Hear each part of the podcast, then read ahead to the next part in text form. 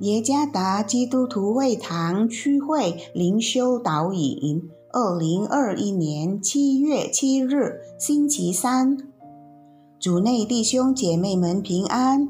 今天的灵修导引，我们要借着圣经提摩太前书第二章第三到第四节来思想今天的主题，表达神的心意。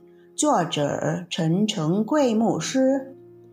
提摩太前书第二章第三到第四节，这是好的，在神我们救主面前可蒙悦纳。他愿意万人得救，明白真道。在一个结婚纪念日聚会上，丈夫把鱼头送给了妻子，以表征爱意。其实他自己也很喜欢鱼头。然而，妻子的反应让她既震惊又尴尬。收到丈夫的礼物，非但不高兴，反而哭着说：“五十年了，你不知道我最讨厌鱼头吗？”所以，一直以来，这位妻子四十九年来一直在从她的丈夫那里收到鱼头。而他却一直在忍耐，但在他们结婚五十周年之际，他再也忍不住，说出了自己的心声。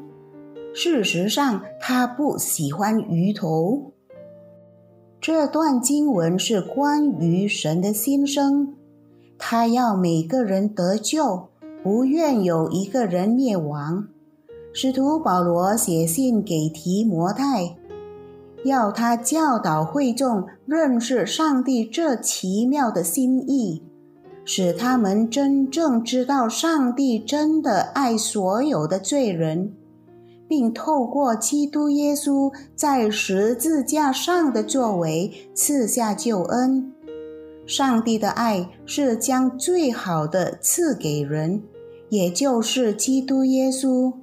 他没有将剩余的给人，更不用说坏的了。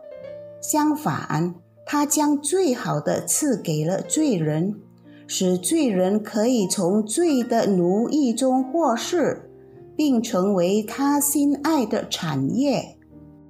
今天我们都需要知道神的心意，他愿意每个人都得救，不希望任何人灭亡。让我们向每一个人揭示上帝荣耀的心，以使他们相信，并在基督耶稣里接受救恩，使他们不至灭亡，反得永生。彰显神的心意，他希望每个人都得救，没有一个灭亡。主耶稣赐福。